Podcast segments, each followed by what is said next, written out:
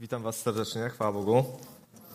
Tak nieśmiało powiedzieliśmy na amen na to, co powiedział Tomek, bo nikt z nas tak naprawdę nie chce się rozstawać z tym, tym co ma. Ja chciałem dzisiaj się podzielić słowem, e, kontynuować to, co mówiłem w czwartek. Wybaczcie mi moją monotematyczność, ale czuję takie, takie brzemię na swoim sercu, żeby się tym dzielić, żeby o tym mówić. Bo mam takie, mam takie pragnienie bardzo mocne, jakby tak Duch Święty mnie dotyka, żebyśmy żebyśmy wrócili do, do korzeni, wrócili do tego, co, co, co najważniejsze w naszym życiu. E, żebyśmy mieli ten dobry, dobry kierunek w swoim życiu cały czas zachowany, żeby, żebyśmy nie zbaczali na prawo ani na lewo. Jestem bardzo poruszony tym, co się dzisiaj działa. Bardzo, bardzo, bardzo Duch Święty mnie dotykał i, te, i to, co mówiła Natalia, i modlitwa Ani, i to, co powiedział teraz Tomek. Ja wierzę, że Duch Święty chce nam coś powiedzieć i chce nam pokazać, że żyjemy w czasach, bardzo ciekawych. Bardzo ciekawych. Ktoś kiedyś powiedział, że, że, jak, że, że jedną z największych głupot jest powiedzenie chcę żyć w ciekawych czasach.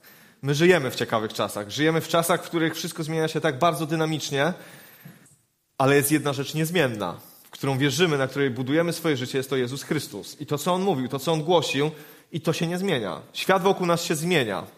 Każdego dnia jest coś innego.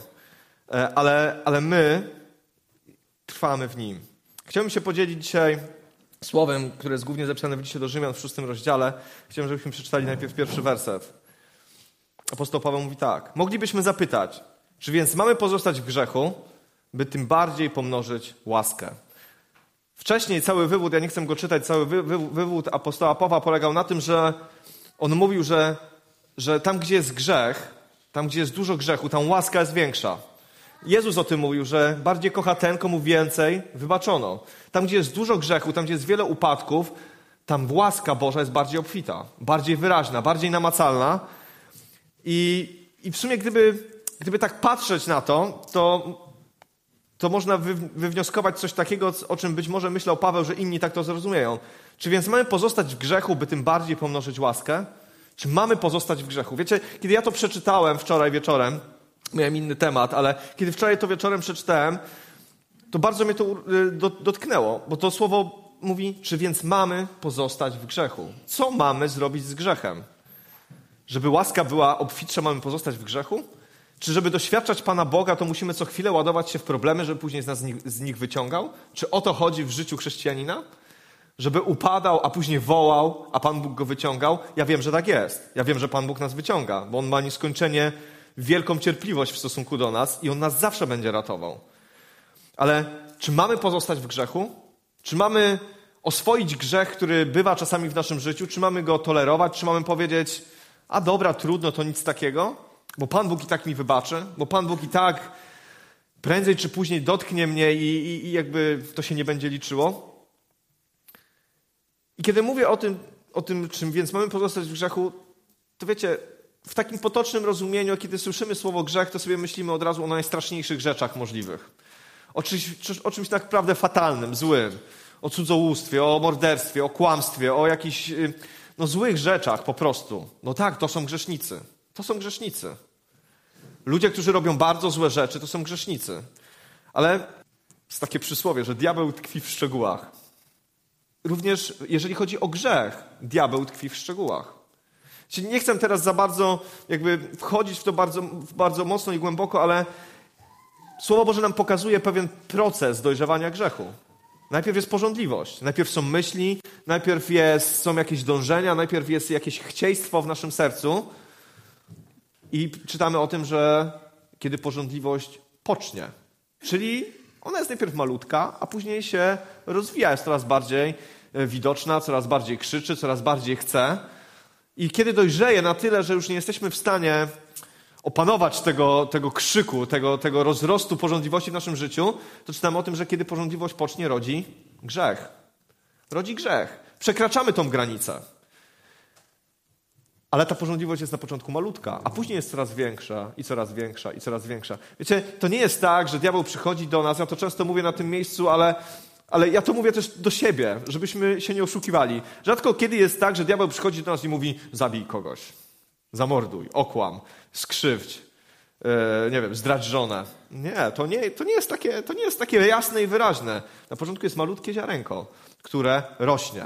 A później czytamy o tym, że kiedy grzech już jest aktywny, kiedy już przekroczyliśmy tą granicę, kiedy skłamaliśmy, kiedy plotkowaliśmy, kiedy oczernialiśmy, kiedy osądzaliśmy, kiedy, kiedy robiliśmy mnóstwo rzeczy, nie tak może widowiskowych, jak sobie wyobrażamy grzesznika, który idzie do więzienia po tym, co zrobił, ale te rzeczy być może niezbyt wielkie. To kiedy grzech pocznie, to co czytamy, co rodzi?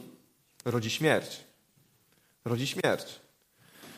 Więc Paweł, kiedy mówi, czy mamy więc pozostać w grzechu, by pomnożyć łaskę, później mówi w kolejnym wersecie, w żadnym razie.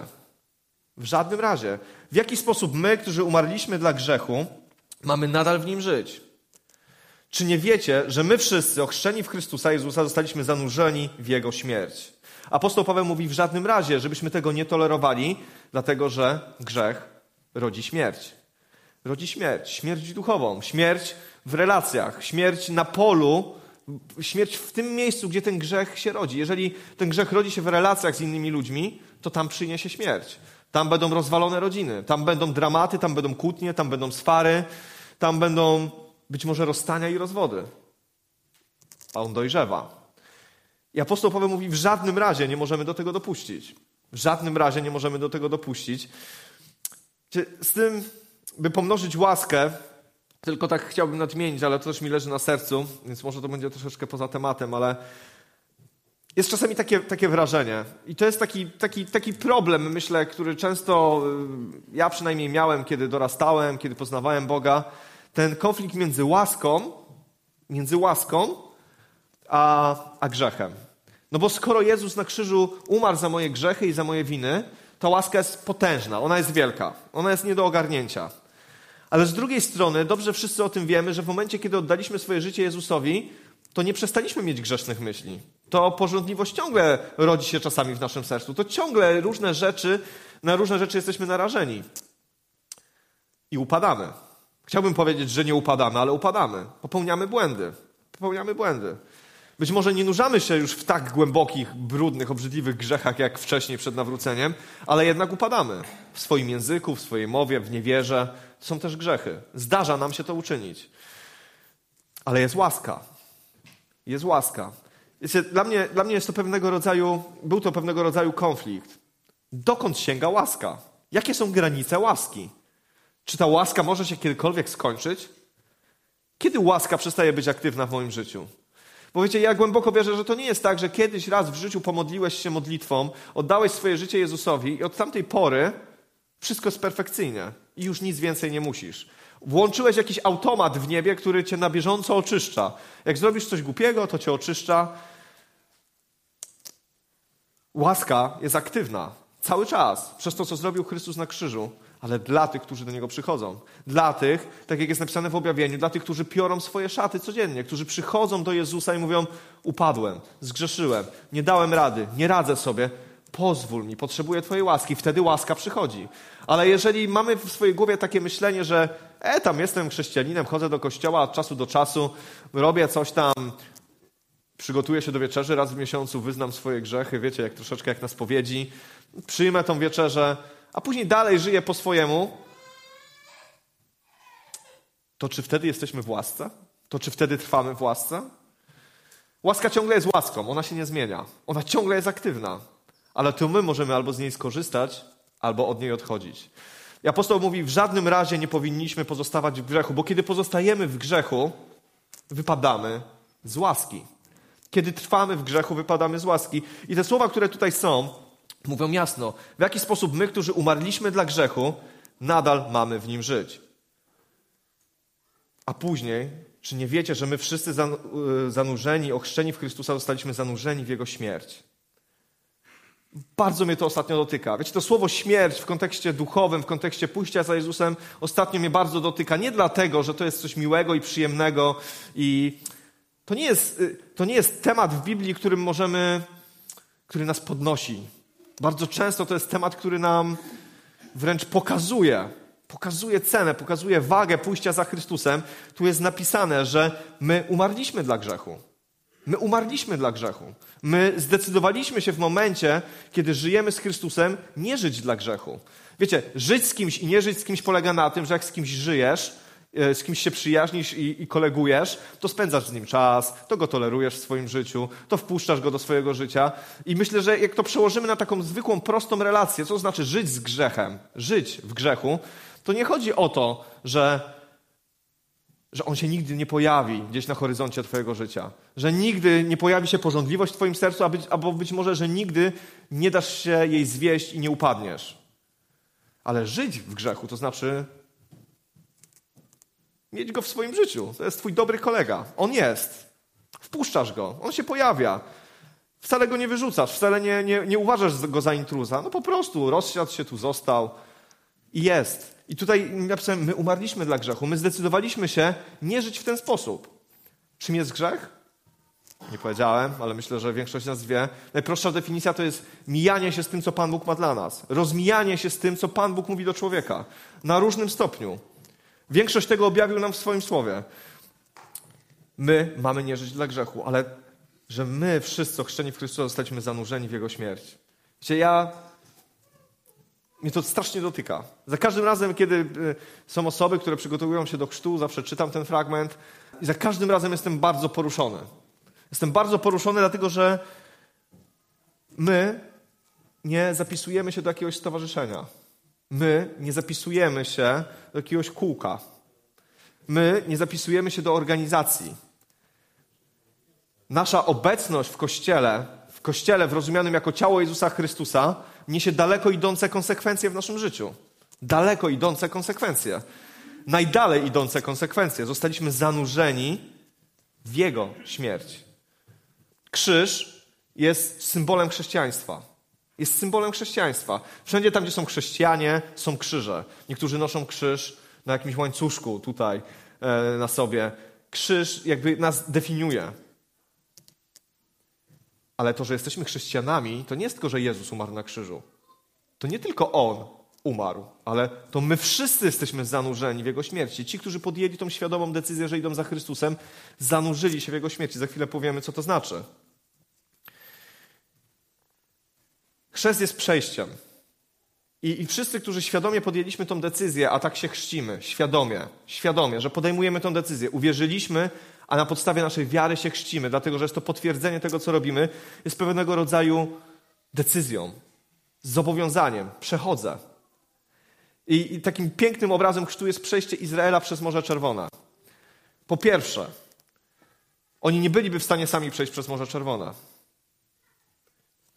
Człowiek nie jest w stanie sam umrzeć dla Chrystusa. Nie jest w stanie sam dokonać tak wielkiej przemiany. Nie jest w stanie sam rozstać się ze swoimi porządliwościami. Nie jest w stanie. To musi być Boża ingerencja, to musi być Boży cud. Izrael przeszedł przez Morze Czerwone, bo Pan Bóg rozstąpił te wody i oni mogli przejść. Ale później te wody się zsunęły.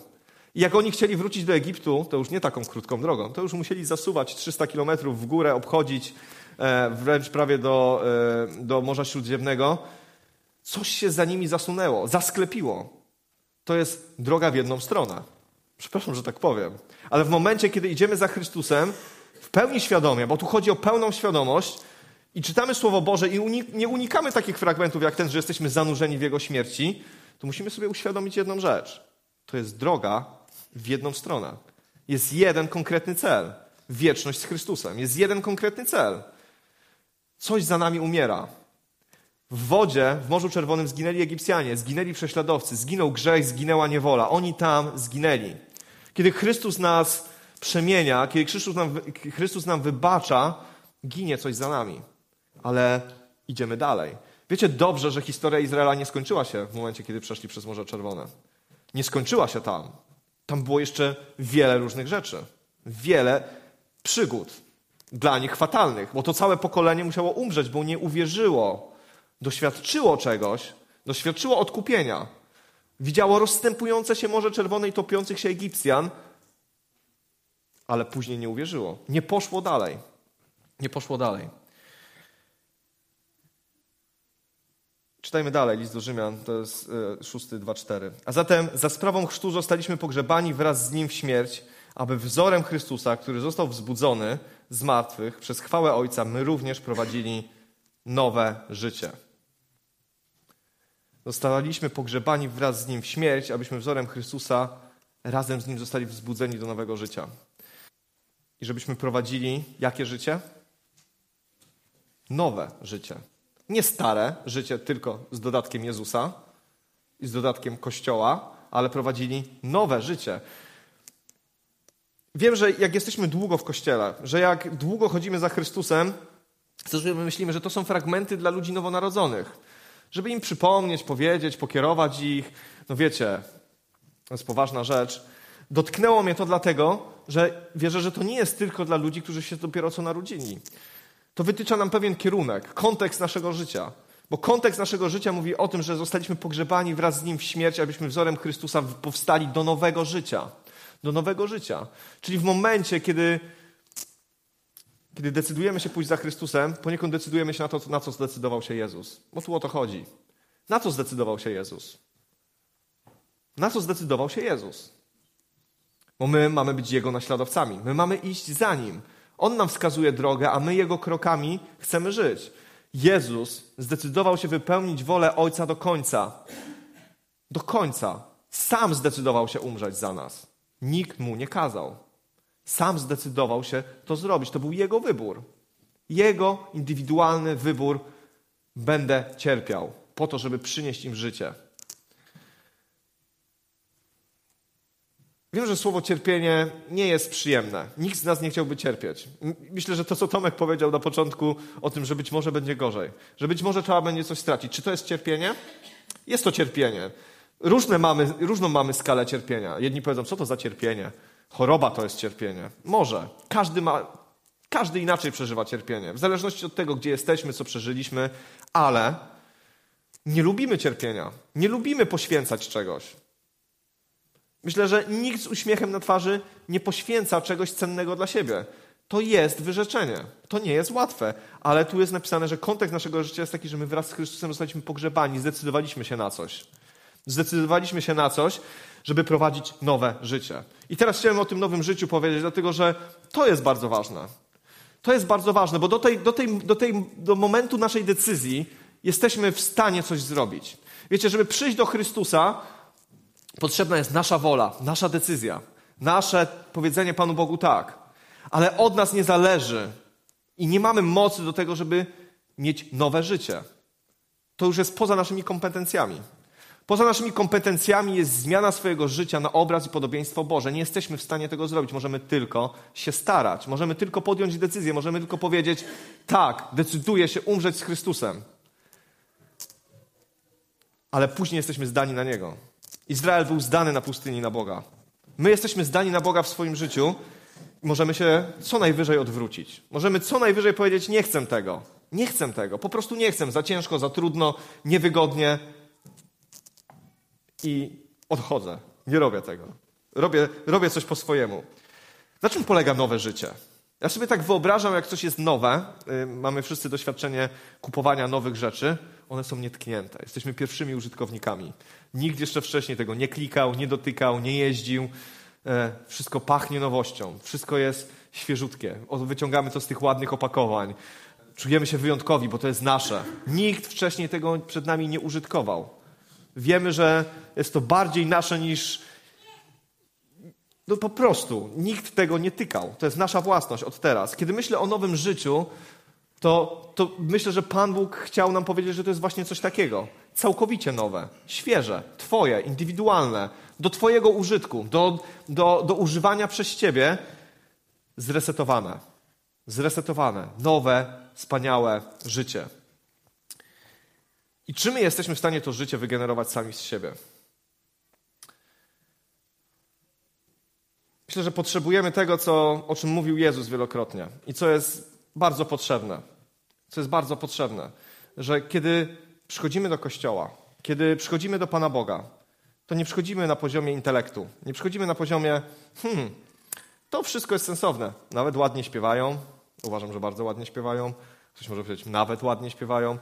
Jest fajnie, modlą się, jest inaczej, inaczej niż w kościele katolickim.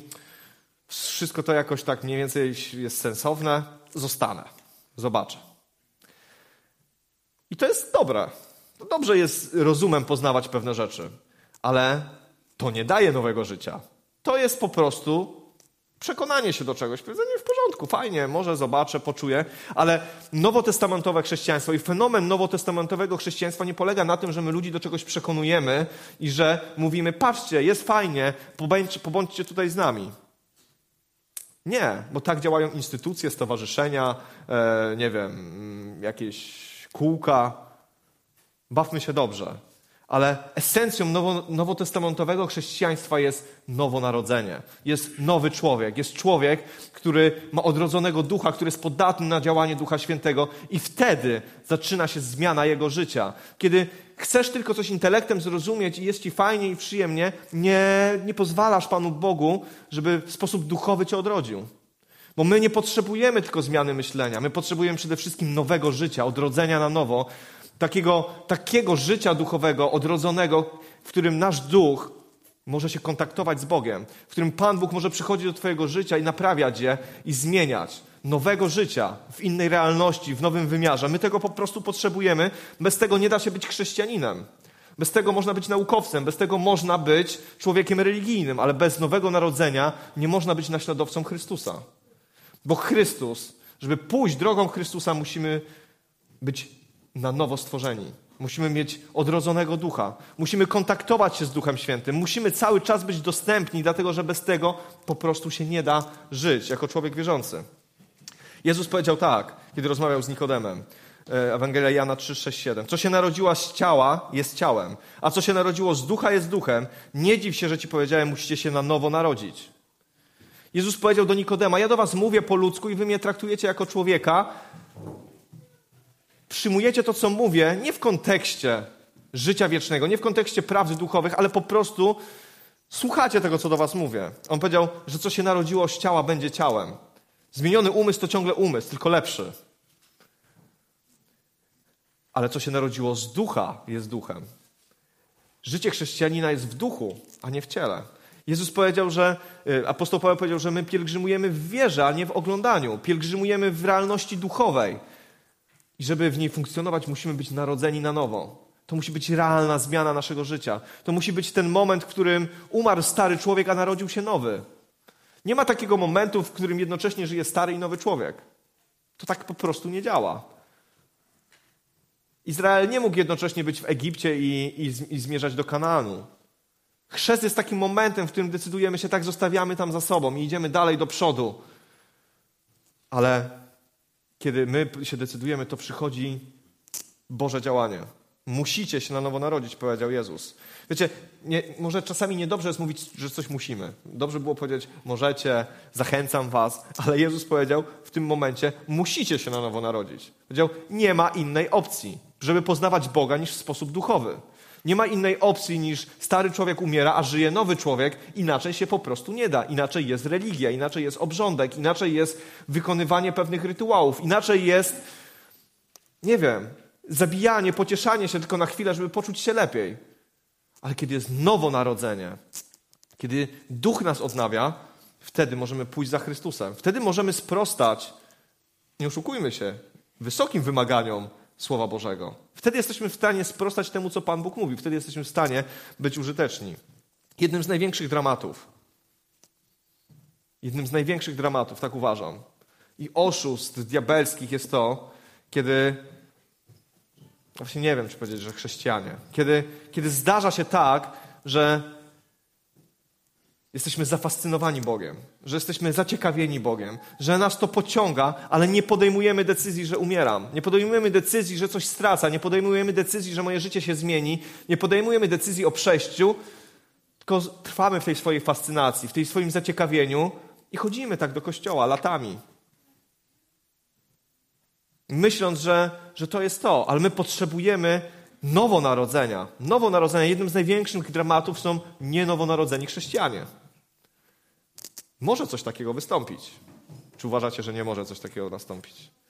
Ja uważam, że chodzenie do kościoła to nie jest bycie chrześcijaninem. Bycie chrześcijaninem to bycie nowonarodzonym człowiekiem, który zdecydował się z pełną świadomością, stary człowiek umiera. Pozwalam Panu Bogu go powoli, powoli wygaszać. Pozwalam Panu Bogu, żeby ten człowiek umierał, żeby umierały moje stare porządliwości, stare rzeczy. Ja pozwalam Jezusowi mnie zmieniać, decyduję się na to, a jednocześnie wołam o, o to, żeby mnie duch odnawiał, żebym żył z nim. W liście do Rzymian 5, 8, 8 rozdział 5, 8 czytamy tak. Bo ci, którzy są według ciała, kierują się tym, co cielesne. Ci zaś, którzy są według ducha, tym, co duchowe. Bo to, ku czemu dąży ciało, sprowadza się do śmierci, a to, ku czemu duch, do życia i pokoju. Stąd cielesne dążenia są przeciwne Bogu. Nie podobają się one prawu Boga. Nawet nie są w stanie. Ci zaś, którzy są według ciała, Bogu podobać się nie mogą. Nie wiem, czy zauważyliście, ale w Nowym Testamencie Jezus, z kim najczęściej Jezus dyskutuje? Z kim toczy największe, najbardziej zagorzałe potyczki słowne? Z celnikami, grzesznikami, prostytutkami? Nie, oni z reguły przychodzili do Jezusa, doświadczali uzdrowienia, pocieszenia, zmiany życia. E, tłumy później e, przyprowadzali do Jezusa. Najwięcej dysput i, i, i kłótni, kłótni, nie wiem, e, no najczęściej Jezus rozmawiał i karcił faryzeuszy, sadyceuszy i uczonych w piśmie.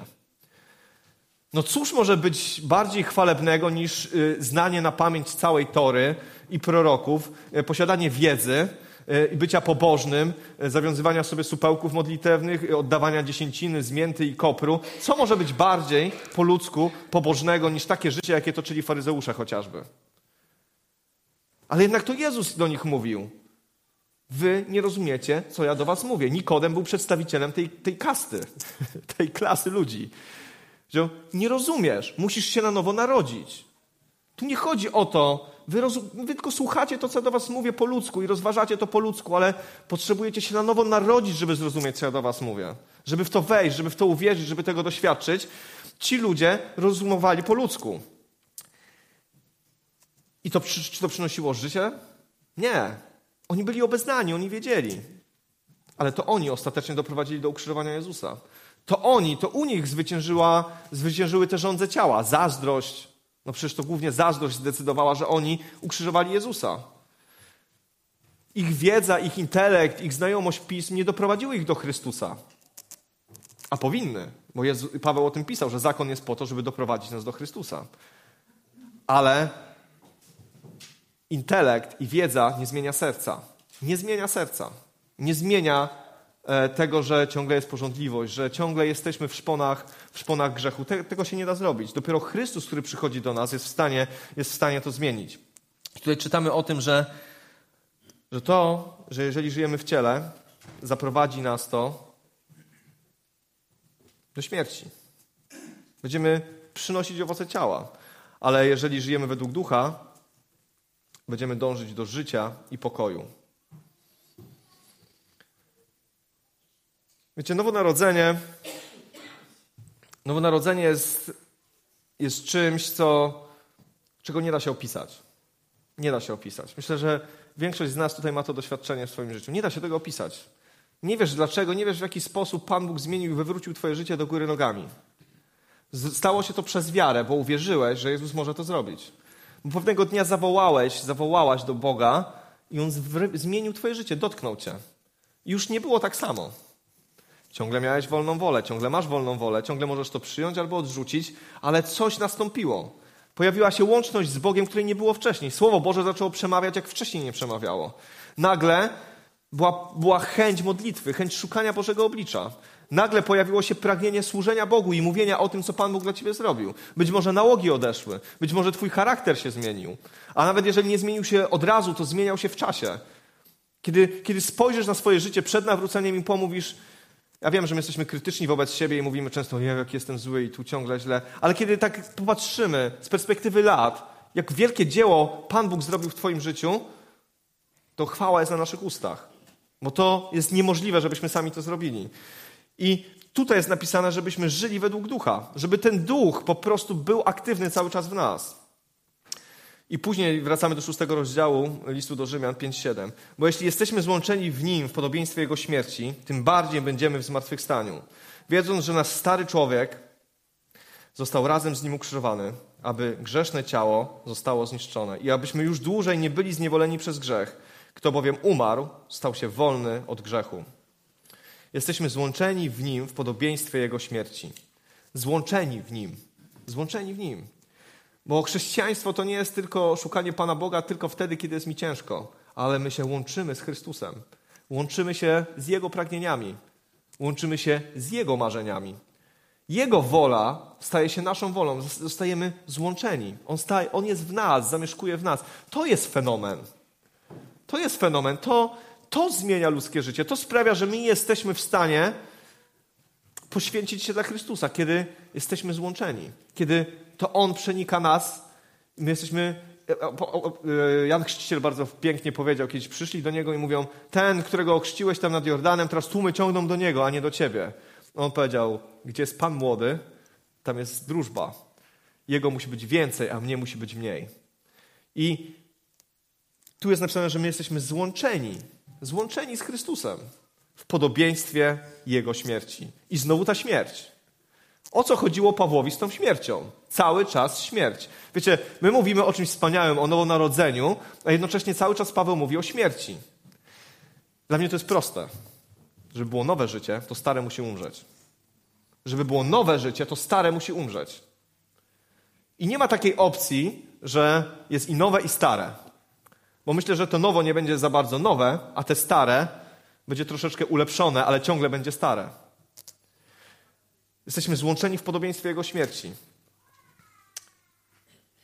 Ale tym bardziej będziemy podobni, będziemy połączeni w zmartwychwstaniu. Takie dwa wątki, które chciałem teraz poruszyć. Tutaj apostoł mówi o tym, że stary człowiek razem z nim został ukrzyżowany. Ciekawe. Stary człowiek został ukrzyżowany. Ukrzyżowany. Co się wydarzyło na krzyżu? Nasz stary człowiek powinien być ukrzyżowany, nie jakiegoś tam człowieka. Teraz weźmy to do swojego życia. Jesteśmy podobni do niego w jego śmierci, a stary człowiek został wraz z nim ukrzyżowany. Kiedy popatrzymy na to z perspektywy Starego Testamentu i wypełnienia Bożych obietnic, to co się wydarzyło na krzyżu? Została złożona perfekcyjna ofiara. Idealna. Baranek czysty, nieskazitelny, bez grzechu. Jezus złożył sam z siebie doskonałą ofiarę. Z czym wam się kojarzy ofiara? Ofiara mi się kojarzy, i jak kiedy czytam Stary Testament, kojarzy mi się z oddaniem czegoś Bogu bardzo cennego, z zapłaceniem pewnej ceny. Z zapłaceniem pewnej ceny. Z oddaniem Panu Bogu czegoś cennego. Kiedy czytamy e, w Starym Testamencie, to powinien, jaka powinna być ofiara? To nie jakiś tam kulejący, umierający baranek, który tam już ledwo coś zipie. Nie, najlepszy, w odpowiednim wieku, bez skazy. Takie Pan Bóg chciał ofiary. Czyste, najlepsze. Żeby to było coś, co jest cenne dla nas, a my to oddajemy, bo to jest wyraz miłości. Na krzyżu był największy wyraz miłości. Jezus złożył ofiarę sam z siebie dla nas, za nas. I kiedy ja czytam o tym, że mamy być podobni do Niego w Jego śmierci, to widzę wezwanie do jednej rzeczy. Żeby nasze życie było ofiarne dla Niego, żeby nasze życie było ofiarą dla Niego. Bo skoro ma być podobne, to też mamy złożyć siebie w ofierze dla Niego. W służbie, w życiu, w pragnieniach, w marzeniach. Stary człowiek został ukrzyżowany. Jezus został ukrzyżowany, przybity do krzyża. Cierpiał tam. Cierpiał tam. To był ból i fizyczny, i duchowy. To nie było coś przyjemnego. Nasz stary człowiek ma zostać ukrzyżowany. Jak to sobie wyobrażamy, tak praktycznie? Bo to ładnie brzmi. Nie wiem, czy to jest trafne, ale powiem ze swojego doświadczenia. To jest to, o czym mówił Tomek. To jest to, że decyduję się zostawić coś, co mnie boli. Zostawić sposób spędzania wolnego czasu, który nie jest Boży. Nie mówię, żeby całkowicie nie mieć jakiegoś wolnego czasu i wiecznie się modlić, ale, ale są rzeczy, które wiemy, że nie są Boże. I ciężko jest się z nimi rozstać. Co robimy? Musimy je ukrzyżować. Czyli tak jak Jezus świadomie złożył się w ofierze, my też musimy to złożyć w ofierze. Też musimy powiedzieć, rezygnuję z tego. Będzie bolało, nie rozumiem, nie wiem, gdzie to prowadzi, nie wiem, co będzie dalej, ale rezygnuję z tego dlaczego? Bo kocham. Bo chcę żyć z Chrystusem, bo zdecydowałem się, że jest coś ważniejszego i coś lepszego niż tylko zaspokojanie moich potrzeb. Decyduję się to zostawić. Decyduję się to zostawić. Wiecie, ja wierzę w to głęboko, że wtedy spływa łaska od Boga, żeby pokonać porządliwości i grzech. Kiedy zdecydujemy się przybić do krzyża, tego naszego krzyża, te rzeczy. Kiedy jesteśmy w stanie zdecydować się, że chcemy być podobni do Chrystusa w podobieństwie Jego śmierci. I wtedy mówimy, Panie Boże, decyduję się, to mnie tak będzie bolało. Jest to dla mnie trudne, ciężkie, nie rozumiem. Dlaczego? Rozstaję się, bo kocham bardziej Ciebie. Bo chcę żyć dla Ciebie. Bo doświadczyłem Twojego przebaczenia grzechów. Oddaję to. I wtedy spływa łaska. Ja w to głęboko wierzę. Tego doświadczyłem w swoim życiu. Moje największe walki z grzechem, z porządliwością, z problemami polegały na tym, że kiedy Pan Bóg mi to objawił, że często kilka razy dziennie musiałem to robić. Świadomie stawać w modlitwie i mówić, Panie Boże, nie daję rady, czuję, że zaraz, że zaraz, zaraz się wysypię. Zaraz po prostu upadnę. Nie jestem w stanie wytrzymać. I przychodziła łaska. Łaska za łaską. Przychodziła łaska Boża, żeby mnie z tego grzechu wyciągnąć. Ale musimy się zdecydować, ukrzyżować pewne rzeczy w naszym życiu. Dlaczego mamy się zdecydować na takie, na takie coś? Są ludzie, którzy mówią, że gra jest niewarta świeczki. Wiecie, ja myślę, że cały czas kontekst jest dla nas istotny.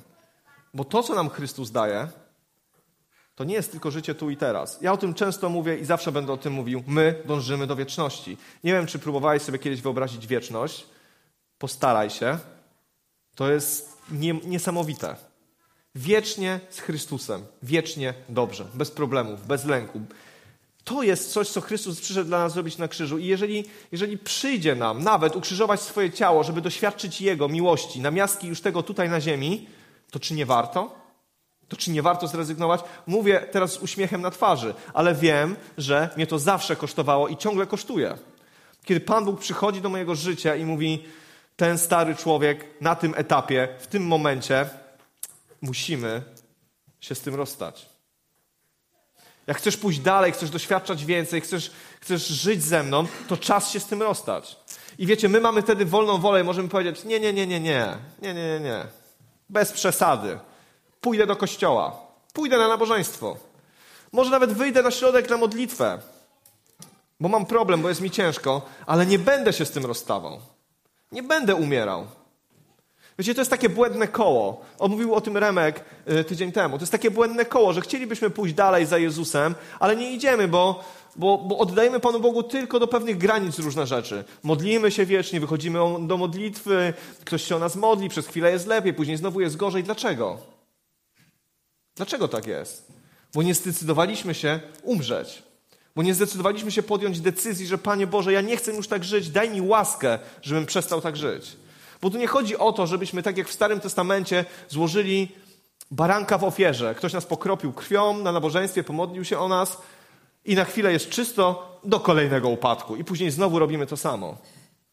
Bo Jezus przyszedł złamać te błędne koło upadków i powstań, upadków i powstań, bo przyszedł nam dać nowe życie, jakościowe życie, dobre życie, które jest możliwe dla tych, którzy krzyżują swoje ciało, którzy są podobni do Chrystusa w podobieństwie Jego śmierci. Nie tylko w podobieństwie frajdy, radości i wspaniałych, miłych rzeczy. To też jest bardzo ważne, potrzebujemy tego. I wierzę, że tego doświadczamy, kiedy żyjemy z Chrystusem, bo tu jest napisane tak.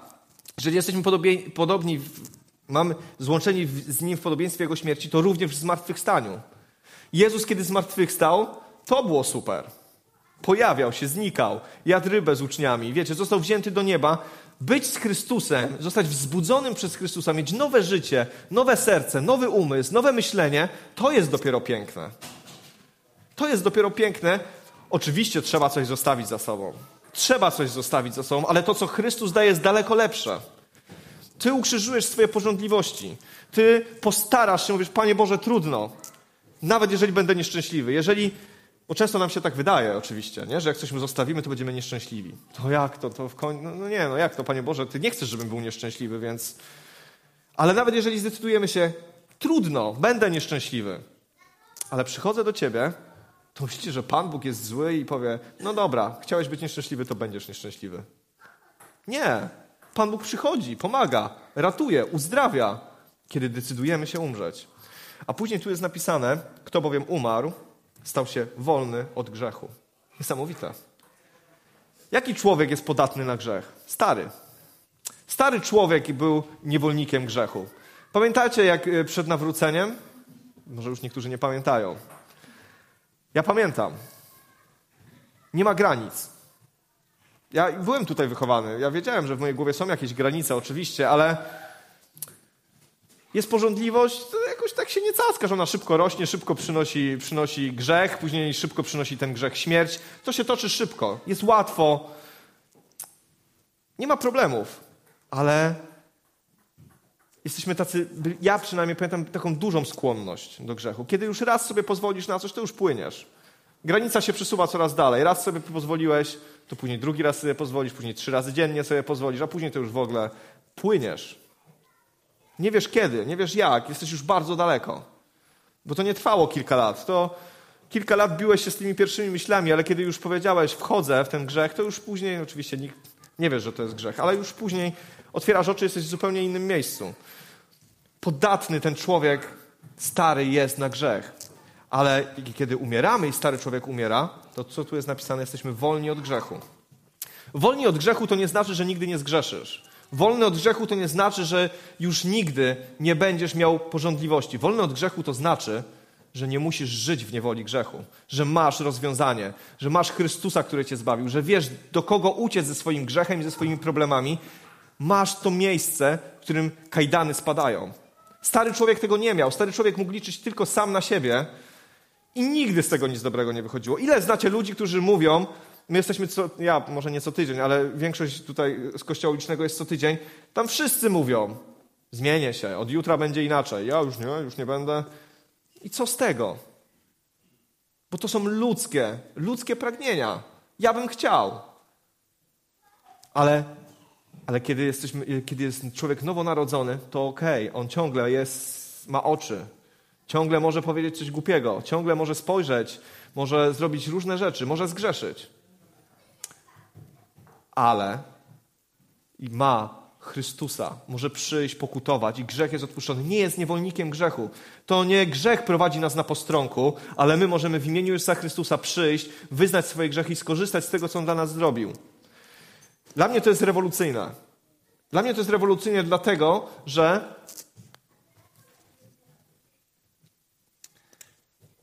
że mam wrażenie, że naprawdę koniec jest dla nas takiego czasu byle jakości że kończy się ten czas byle jakości, że kończy się ten czas oszukiwania samego siebie. Takiego, a może spróbuję, może nie, od czasu do czasu. Wiecie, Pan Bóg nie chce ludzi, którzy chodzą z Nim od czasu do czasu. Nawet powiedział tak wprost, kto chce iść za mną, niech się zaprze samego siebie.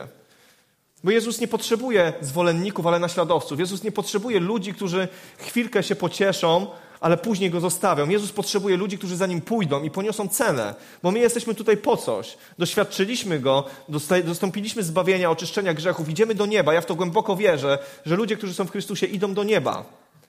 Ale tutaj na ziemi mamy cel do wykonania, mamy świecić, mamy być świadectwem, mamy wskazać innym, że jest nadzieja, jest szansa.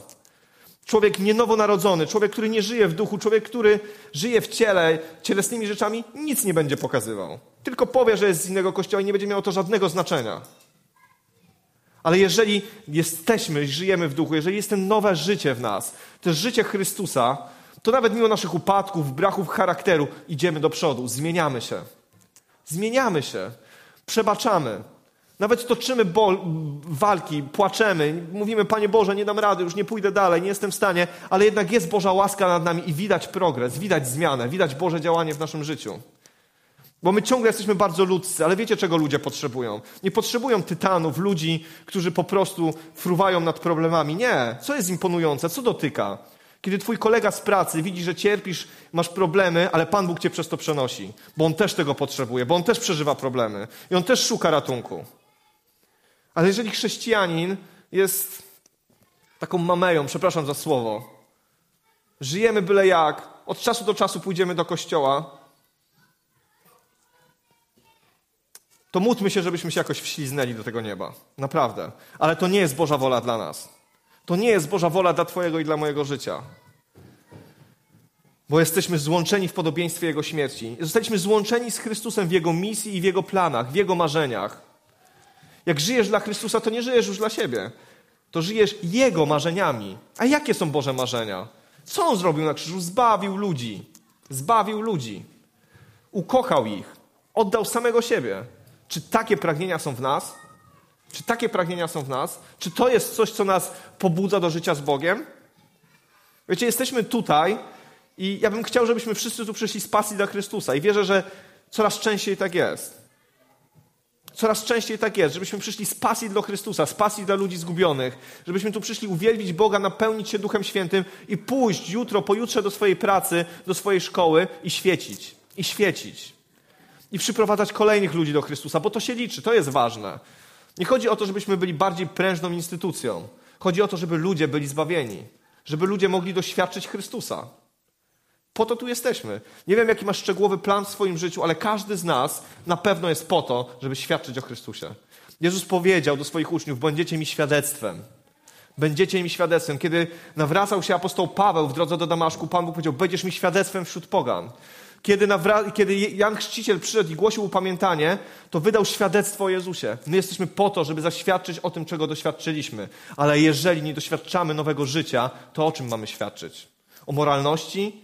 O tym, że będziemy kiwać palcem, jak ludzie będą robili źle? Możesz mówić wszystkim dookoła, że życie w konkubinacie jest grzechem. Ale jeżeli ci ludzie nie doświadczą nowego narodzenia, nie poznają Chrystusa, to co to zmieni w ich życiu? Po prostu będą wiedzieli, że to jest grzechem. Obrażą się na ciebie, obrócą napięcie. My mamy głosić Chrystusa. To Chrystus później przekonuje o grzechu. To Chrystus później mówi, że jest nowe życie, że da się pójść dalej, że da się zmienić. Wiecie, jestem tym bardzo głęboko poruszony, dlatego że ja widzę tą wagę w swoim życiu. Widzę, o co toczy się bój teraz w moim życiu. Naprawdę toczy się o to, czy ja pozwolę, czy ja zdecyduję umrzeć dla Niego. Umrzeć dla Niego. Ja wierzę, że wtedy dopiero jesteśmy w stanie gotowi, mu, jesteśmy w stanie Mu służyć. Kiedy podejmujemy tę decyzję. List do Kolosan, trzeci rozdział 1-3. Skoro więc razem z Chrystusem zostaliście wzbudzeni, zabiegajcie o to, co w górze, gdzie siedzi Chrystus po prawej stronie Boga. Myślcie o tym, co w górze, nie o tym, co na ziemi. Umarliście bowiem, a wasze życie jest ukryte wraz z Chrystusem w Bogu. Znowu, kolejny list. Umarliście bowiem. Nie umarliśmy po to, żeby prowadzić życie jak Amisze, gdzieś tam odłączeni od świata, na pustyni, samotnicy, pustelnicy, którzy Myślę, że to jest jeszcze mniejszy wyczyn niż zostać w tym świecie i świecić.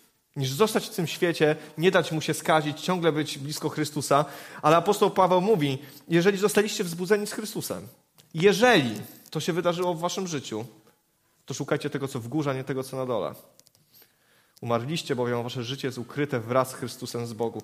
Wiecie, ja się bardzo cieszę, kiedy dzieje się to, co na świecie się dzieje, kiedy ja przejeżdżam koło stacji benzynowych i widzę te ceny, i kiedy słyszę o tym, co się dzieje na Ukrainie, kiedy widzę te wszystkie rzeczy, bardzo się cieszę, że moje życie jest ukryte wraz z Chrystusem w Bogu.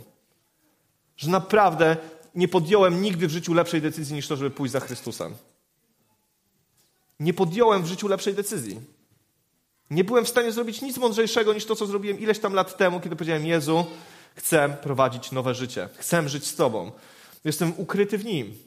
Ukryty w Nim, wzbudzony wraz z Nim, żyję innymi wartościami, mam inną perspektywę. Wiem, dokąd zmierzam. Tak jak Tomek powiedział, nie ma Tomka, poszedł na chwilę gdzieś pewnie z Zosią, ale że, że po prostu trudno. Łatwo się mówi, ja wiem, będzie bolało, teraz mówię z takim uśmiechem na twarzy, ale trudno. Są rzeczy, które trzeba zapłacić, żeby być z Chrystusem, bo to daleko lepsze, bo to wspanialsze, bo to nie dość, że ma obietnicę wieczną, to jeszcze tutaj na ziemi jest zupełnie innym życiem. W pokoju, w radości, w tym, co Chrystus nam daje. Ale jest ta cena. Jest to krzyżowanie człowieka. Jest to zdecydowanie, że Ty jesteś dla mnie ważniejszy niż nawet, zaryzykuję to stwierdzenie, niż nawet wyobrażenie mojego szczęścia. Ja sobie wyobrażam, że moje szczęście powinno wyglądać tak, ale Ty jesteś dla mnie ważniejszy.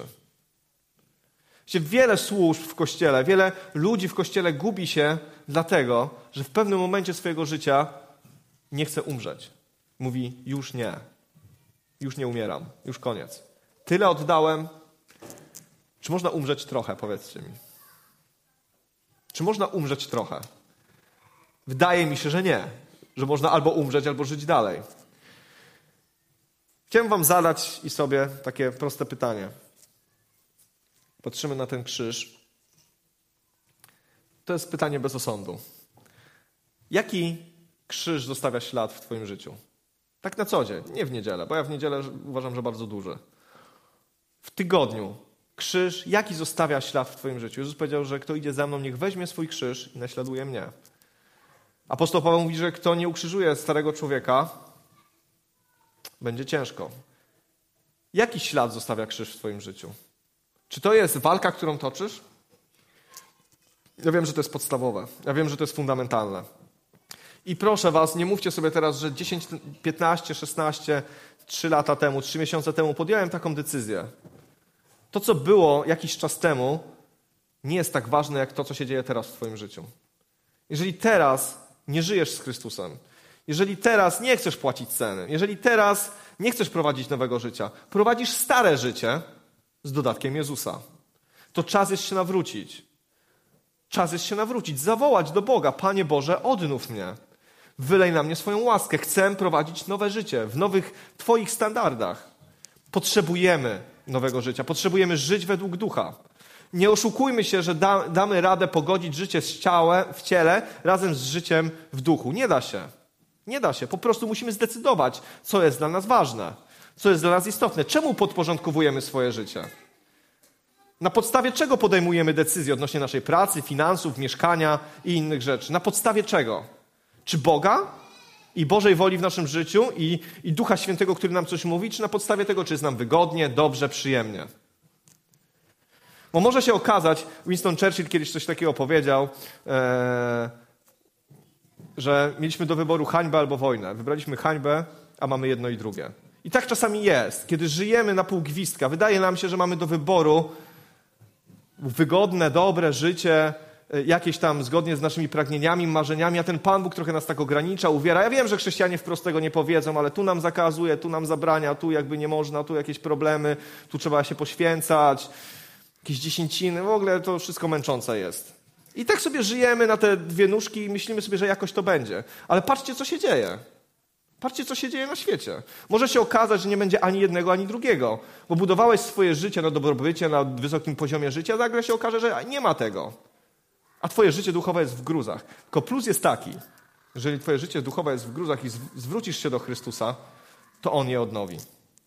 To On je odnowi, On je zmieni. On tchnie na nowo w tobie życie. Wiecie, ja, potrzeb... ja wierzę w to głęboko, że my musimy być kościołem pełnym Ducha Świętego, nie dlatego, żeby się popisywać, ale dlatego, że zginiemy. Po prostu. Po prostu zginiemy. Bez Ducha Świętego nie jesteśmy w stanie przetrwać na tej duchowej wojnie, która się toczy wokół nas. Polegniemy. Potrzebujemy nowego narodzenia. Potrzebujemy odnowienia tego, co było być może lata temu. Może jesteś na tym miejscu pierwszy raz i toczysz w swojej głowie bitwy, chciałbyś zmienić swoje życie i kombinujesz po ludzku, jak to zrobić. Jedną rzecz ci powiem. Przyjdź do Chrystusa i poproś, żeby zmienił twoje życie i On to zrobi. I On to zrobi. Później będzie taki moment, że będziesz musiał ukrzyżować starego człowieka. Zrób to. Zobaczysz Boże efekty w swoim życiu. Ja wierzę w to, że Boże Słowo jest prawdziwe. Jeżeli my coś poświęcamy, On nam daje daleko więcej, daleko lepsze rzeczy. Wydaje nam się, że oddajemy coś, co jest treścią naszego życia, ale okazuje się, że Pan Bóg ma dla nas rzeczy lepsze, wspanialsze. I gdybym powiedział, że niech wyjdą takie osoby, które mają takie świadectwo, myślę, że byśmy tutaj do 14 słuchali. Co Pan Bóg zrobił, kiedy postanowiliśmy oddać Mu coś swojego? Większość z nas ma takie świadectwo w swoim życiu. Nie żyjmy tylko świadectwami, niech one nas zachęcają, ale niech to będzie nasza teraźniejszość. Zapłaćmy tą cenę. Warto. Wiecie, mówię wam o tym, dlatego że ja toczę ten bój. Mi się tak bardzo nie chce czasami. Uwierzcie mi. Tak bardzo mi się nie chce. Tak bardzo chętnie wróciłbym do domu, zasnął i obudził się za tydzień. Jestem zmęczony. Dużo rzeczy się dzieje w moim życiu, ale powiem wam jedno. Nie chcę przegapić tego, co Chrystus ma dla mnie. Jeżeli nawet przyjdzie mi teraz płacić cenę, to chcę podjąć tą walkę. Chcę dzisiaj świadomie powiedzieć Panu Bogu, trudno, niech ten człowiek umiera. To będzie bolało. Chyba, że chcemy żyć w takiej niepewności. Takiej trochę tu, trochę tam. Wiecie, kiedy świat się trzęsie, widzimy wyraźniej. Widzimy wyraźniej, co tak naprawdę jest wartościowe.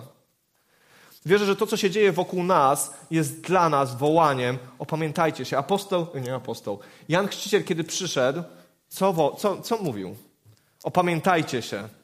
Głosił dobrą nowinę, powiedział: Opamiętajcie się, prostujcie drogi pańskie. Ja wierzę, że Chrystus przychodzi. Ja wierzę, że Chrystus przyjdzie po swój kościół. Ja wierzę w to, że to, co się dzieje, nie jest po to, żeby nas przestraszyć, ale po to, żeby nas wzmocnić, pobudzić i przyciągnąć nas do Boga. Nie panikujmy, ale zacznijmy wołać do Chrystusa. Nie panikujmy, ale się nawróćmy, jeżeli trzeba. Nie panikujmy, ale zawołajmy: Panie Boże, nie żyję według ducha. To też warto to powiedzieć. Co jest dla Pana Boga ważne? Serce skruszone. Serce skruszone. Może, może tak naprawdę dobrze wiesz, że wcale nie żyjesz według ducha w swoim życiu. Może tak naprawdę wiesz, że wcale to nie jest nowe życie. To dzisiaj jest czas zawołać do Niego. W prostej modlitwie, w szczerej modlitwie, bo Pan Bóg nie potrzebuje nie wiadomo czego. On potrzebuje skruszonego serca. Jeżeli dzisiaj masz to pragnienie, że chcesz żyć życiem duchowym, chcesz mieć nowe życie, może zaniedbałeś to życie, może ono kiedyś było nowe, a znowu stało się stare, porośnięte, zabrudzone, porzucone gdzieś na półce, odgrzebywane tylko w niedzielę do kościoła. Specjalnie nie mówię w czwartek, bo to już jest całkiem nieźle. Nie chodzi o chodzenie do kościoła, żeby nie było. Ale to dzisiaj jest ten czas. To dzisiaj jest ten czas, żeby zawołać. Cię mówię takie proste rzeczy, dlatego że mam wrażenie, że jeżeli tutaj nie będziemy mieli zdrowego fundamentu, jeżeli nie będziemy pilnować tego, co najważniejsze, to będziemy sobie dokładać po prostu kolejnej wiedzy, kolejnej wiedzy, kolejne rzeczy. Tak powinno być, nie tak powinno być, tu i tak. Duch, nowe życie, co się narodziło z ducha, jest duchem co się narodziło z ducha, jest duchem. Może nigdy tego nie zrobiłeś, to dzisiaj jest czas zrobić to po raz pierwszy. Wyznać Jezusa Chrystusa swoim Zbawicielem i pozwolić, żeby On narodził cię na nowo, bo to jest Jego dzieło, nie nasze. Ale jeżeli to zaniedbałeś, albo jeżeli stoisz przed tym wyborem, stoisz przed tym swoim krzyżem i nie chcesz tam położyć ręki, nie chcesz oddać Chrystusowi tych rzeczy, to dzisiaj jest ten czas, żeby pójść dalej. Ja wiem, że są takie rzeczy, które ciężko nam zrozumieć, które ciężko nam zostawić ale pomyśl sobie o tym, kim On jest i co dla Ciebie zrobił i co dla Ciebie ma. Może wtedy będzie łatwiej. Ja wierzę, że razem z Nim umieramy, ale razem z Nim jesteśmy wzbudzeni. I bardzo mnie to cieszy, że mogę tego doświadczać w swoim życiu. Powstańmy, pomódlmy się. Panie Boże, Cię przychodzimy do Ciebie. Przychodzimy dzisiaj do Ciebie. O Boże, prosimy Cię o to, żebyś Ty nas dotykał żebyś Ty nas dotykał, Panie. Prosimy Cię o to, Panie. O, Może jesteś na tym miejscu tutaj dzisiaj, albo nas oglądasz, ale jeżeli jesteś na tym miejscu i potrzebujesz takiego realnego Bożego dotknięcia, takiej Bożej zmiany w Twoim życiu, nie takiej Twojej. Może już jesteś zmęczony swoimi wiecznymi postanowieniami i wiecznymi upadkami. Jeżeli chcesz dzisiaj doświadczyć żywego Boga i prowadzić nowe życie, to po prostu wyciągnij rękę. Może to, może się pogubiłeś jako chrześcijanin lata temu. Wyciągnij swoją rękę, będziemy się modlić o Ciebie, będziemy Cię błogosławić, a to i tak Pan Bóg będzie robił w Twoim życiu. Pan Bóg będzie robił w Twoim życiu. Jeżeli dzisiaj masz taką potrzebę, to po prostu podnieś swoją rękę, teraz będziemy się modlić, będziemy Cię błogosławić, będziemy się za Ciebie wstawiać. Panie Boże, dziękujemy Ci za to. Dziękujemy Ci za to, że Ty jesteś naszym Zbawicielem, że Ty jesteś naszym Bogiem. Panie, ja Ci dziękuję za to, że Ty umarłeś za nas na krzyżu, zapłaciłeś wielką cenę, żebyśmy my mogli dzisiaj stać przed Tobą, Panie. Dlatego proszę Cię, Dlatego proszę Cię, Duchu Święty, żebyś Ty przemawiał do nas, Panie. Żebyś Ty do nas przemawiał. W Twoim słowie jest napisane, że Ty, Duchu Święty, przekonujesz o grzechu, o sądzie i o sprawiedliwości, Panie. I proszę Cię, żebyś Ty teraz przyszedł do życia każdego z nas, Panie. Pokaż nam, gdzie jesteśmy. Pokaż nas, Boże. Pokaż nam, według czego żyjemy. Pokaż nam, Boże, czy nasz duch, Panie, jest żywy czy martwy, Panie. Czy sobie wmawiamy, Panie, czy po prostu potrzebujemy dzisiaj pokuty, Panie. Proszę Cię o to żebyś Ty, Duchu Święty, przyszedł do, do, nas, Panie. Żebyś to Ty, Panie, wypełnił nasze serce. Potrzebujemy Ciebie, Panie. My potrzebujemy, Duchu Święty, żebyś to Ty nas prowadził, Panie. Nie chcemy być kościołem, Panie, który po prostu, Boże, tylko się spotyka, który po prostu tylko od czasu do czasu coś robi, Panie, ale chcemy być żywym Kościołem, Panie, pełnym Ducha Świętego, Panie, złożonym z żywych kamieni, Panie, z kamieni żywych, Panie, ludzi odkupionych przez Ciebie, nowonarodzonych, Panie, którzy mają nowe serce, Panie, którzy mają nową mentalność, Panie, którzy mają nowe zasady, Panie. I Ty wiesz, że my czasami gubimy się w tym wszystkim, upadamy i mamy problemy, Panie. Dlatego dzisiaj do Ciebie przychodzimy i prosimy Cię, Duchu Święty, żebyś Ty nas odnawiał. Prosimy Cię, Panie, żebyś Ty nam przebaczał, żebyś Ty nas oczyszczał, Panie, żebyśmy mogli doświadczać, Panie, Twojej obecności mocniej i głębiej w swoim życiu, Panie. Tak bardzo Cię o to prosimy w imieniu Jezusa Chrystusa, Boże. Prowadź nas, Panie.